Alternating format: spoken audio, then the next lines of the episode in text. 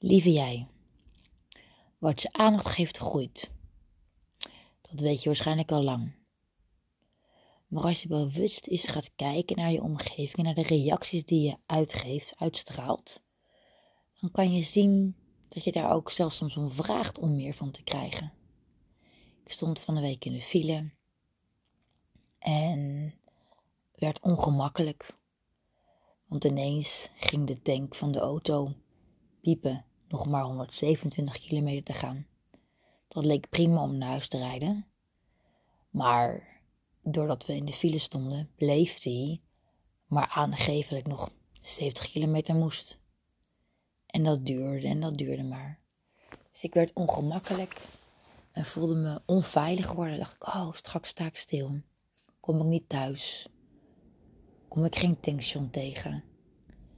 En door daarmee bezig te zijn, ging het lampje weer knipperen en weer piepen. En daarvoor leek er niks aan de hand. Ik werd het ongemakkelijker, voelde spanning omkomen. Dus mijn oude pijnlaag van angsten, onveilig voelen, werden helemaal getriggerd. Het oude pad van me niet veilig voelen was ik aan het bewandelen. En ik probeerde de radio hard te zetten om toch te zorgen dat ik in een positieve vibe kwam. Lukte niet.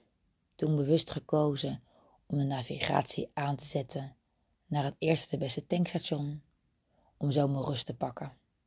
ik kwam er niet vanaf, kon het boek niet sluiten, kon niet de rust vinden, tot ik had besloten de keuze te maken voor het tankstation. dacht ik, oh, over 20 minuten ben ik er. Als ik uit deze file ben, dan ben ik bij de plek waar ik kan tanken, kan ik weer verder.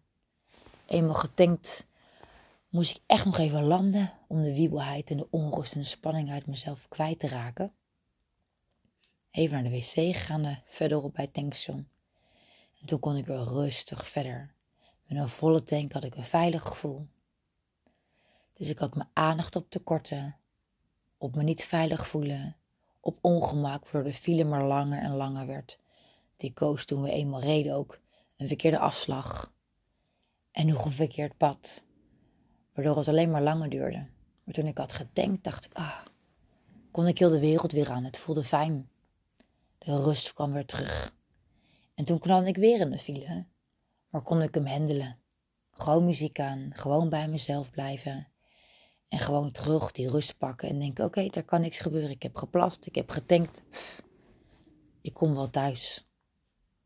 Dus dat oude pad van angst en spanning en tekort en negativiteit zit zo in je systeem. En zo makkelijk om weer aan te gaan. En dan komen alle andere negatieve verhalen ook bovendrijven. Dus dat boek niet sluit en je kiest voor een ander pad, wat je wel plezier geeft, blijf je deze aandacht op de negativiteit houden en krijg je daar meer van. Zo merk ik ook in gesprekken dat je met mensen um, oude pijnlagen aanraakt, waardoor ook allemaal oude, nare situaties opgerakeld worden.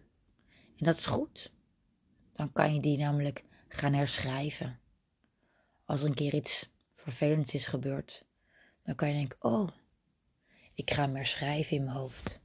Waarbij de situatie wel een goede afloop heeft. Er is een boek van Max, geloof ik, Max en de Toversteen, waarbij je twee einden, twee verhaallijnen kan kiezen. Een met een goede afloop en een met een minder goede afloop. Dus zo mag je nu ook zelf je eigen verhaallijn schrijven. Hoe wil je dat je verhaal loopt? Welke afloop wil je hebben? En je ego zou automatisch je oude patroon kiezen. En als je oude patroon bestaat uit zwaarte, dan neemt hij dat pad. Maar als jij er bewust van bent en denk ik sluit mijn boek. Je kiest niet voor dat pad, je kiest voor een ander pad. Ga je vanzelf dat pad ook plaveien. En gaat vanzelf onkruid weg, waardoor je er gewoon doorheen kan lopen. Alle doornstruiken, alles verdwijnt en kan je er doorheen.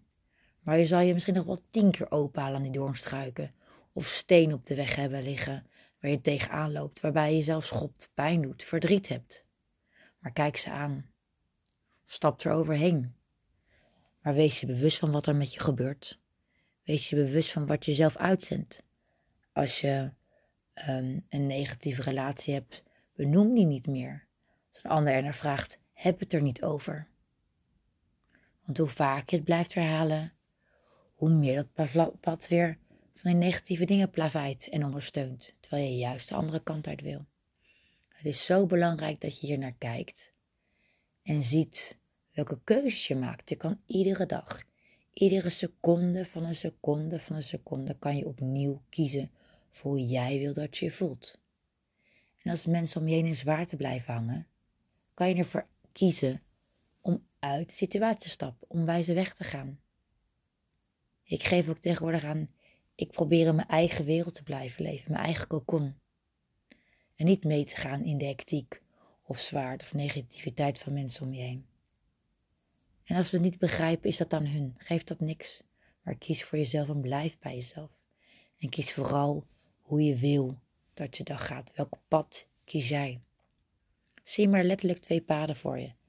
Het oude patroon ga je automatisch op. Maar stop en ga de andere weg in. Kies voor de andere patroon te gaan automatiseren, inoefenen, herhalen, herhalen. Zodat het ook een nieuwe gewoonte kan worden. En dan kan je ego achter in de bus gaan zitten, hoeft niet meer achter het stuur en die kan rusten. En luisteren naar de keuze die jij maakt vanuit je hart en vanuit je gevoel. En ontstaat echt een veel fijner en mooier leven. Heel veel succes ermee. Fijne dag.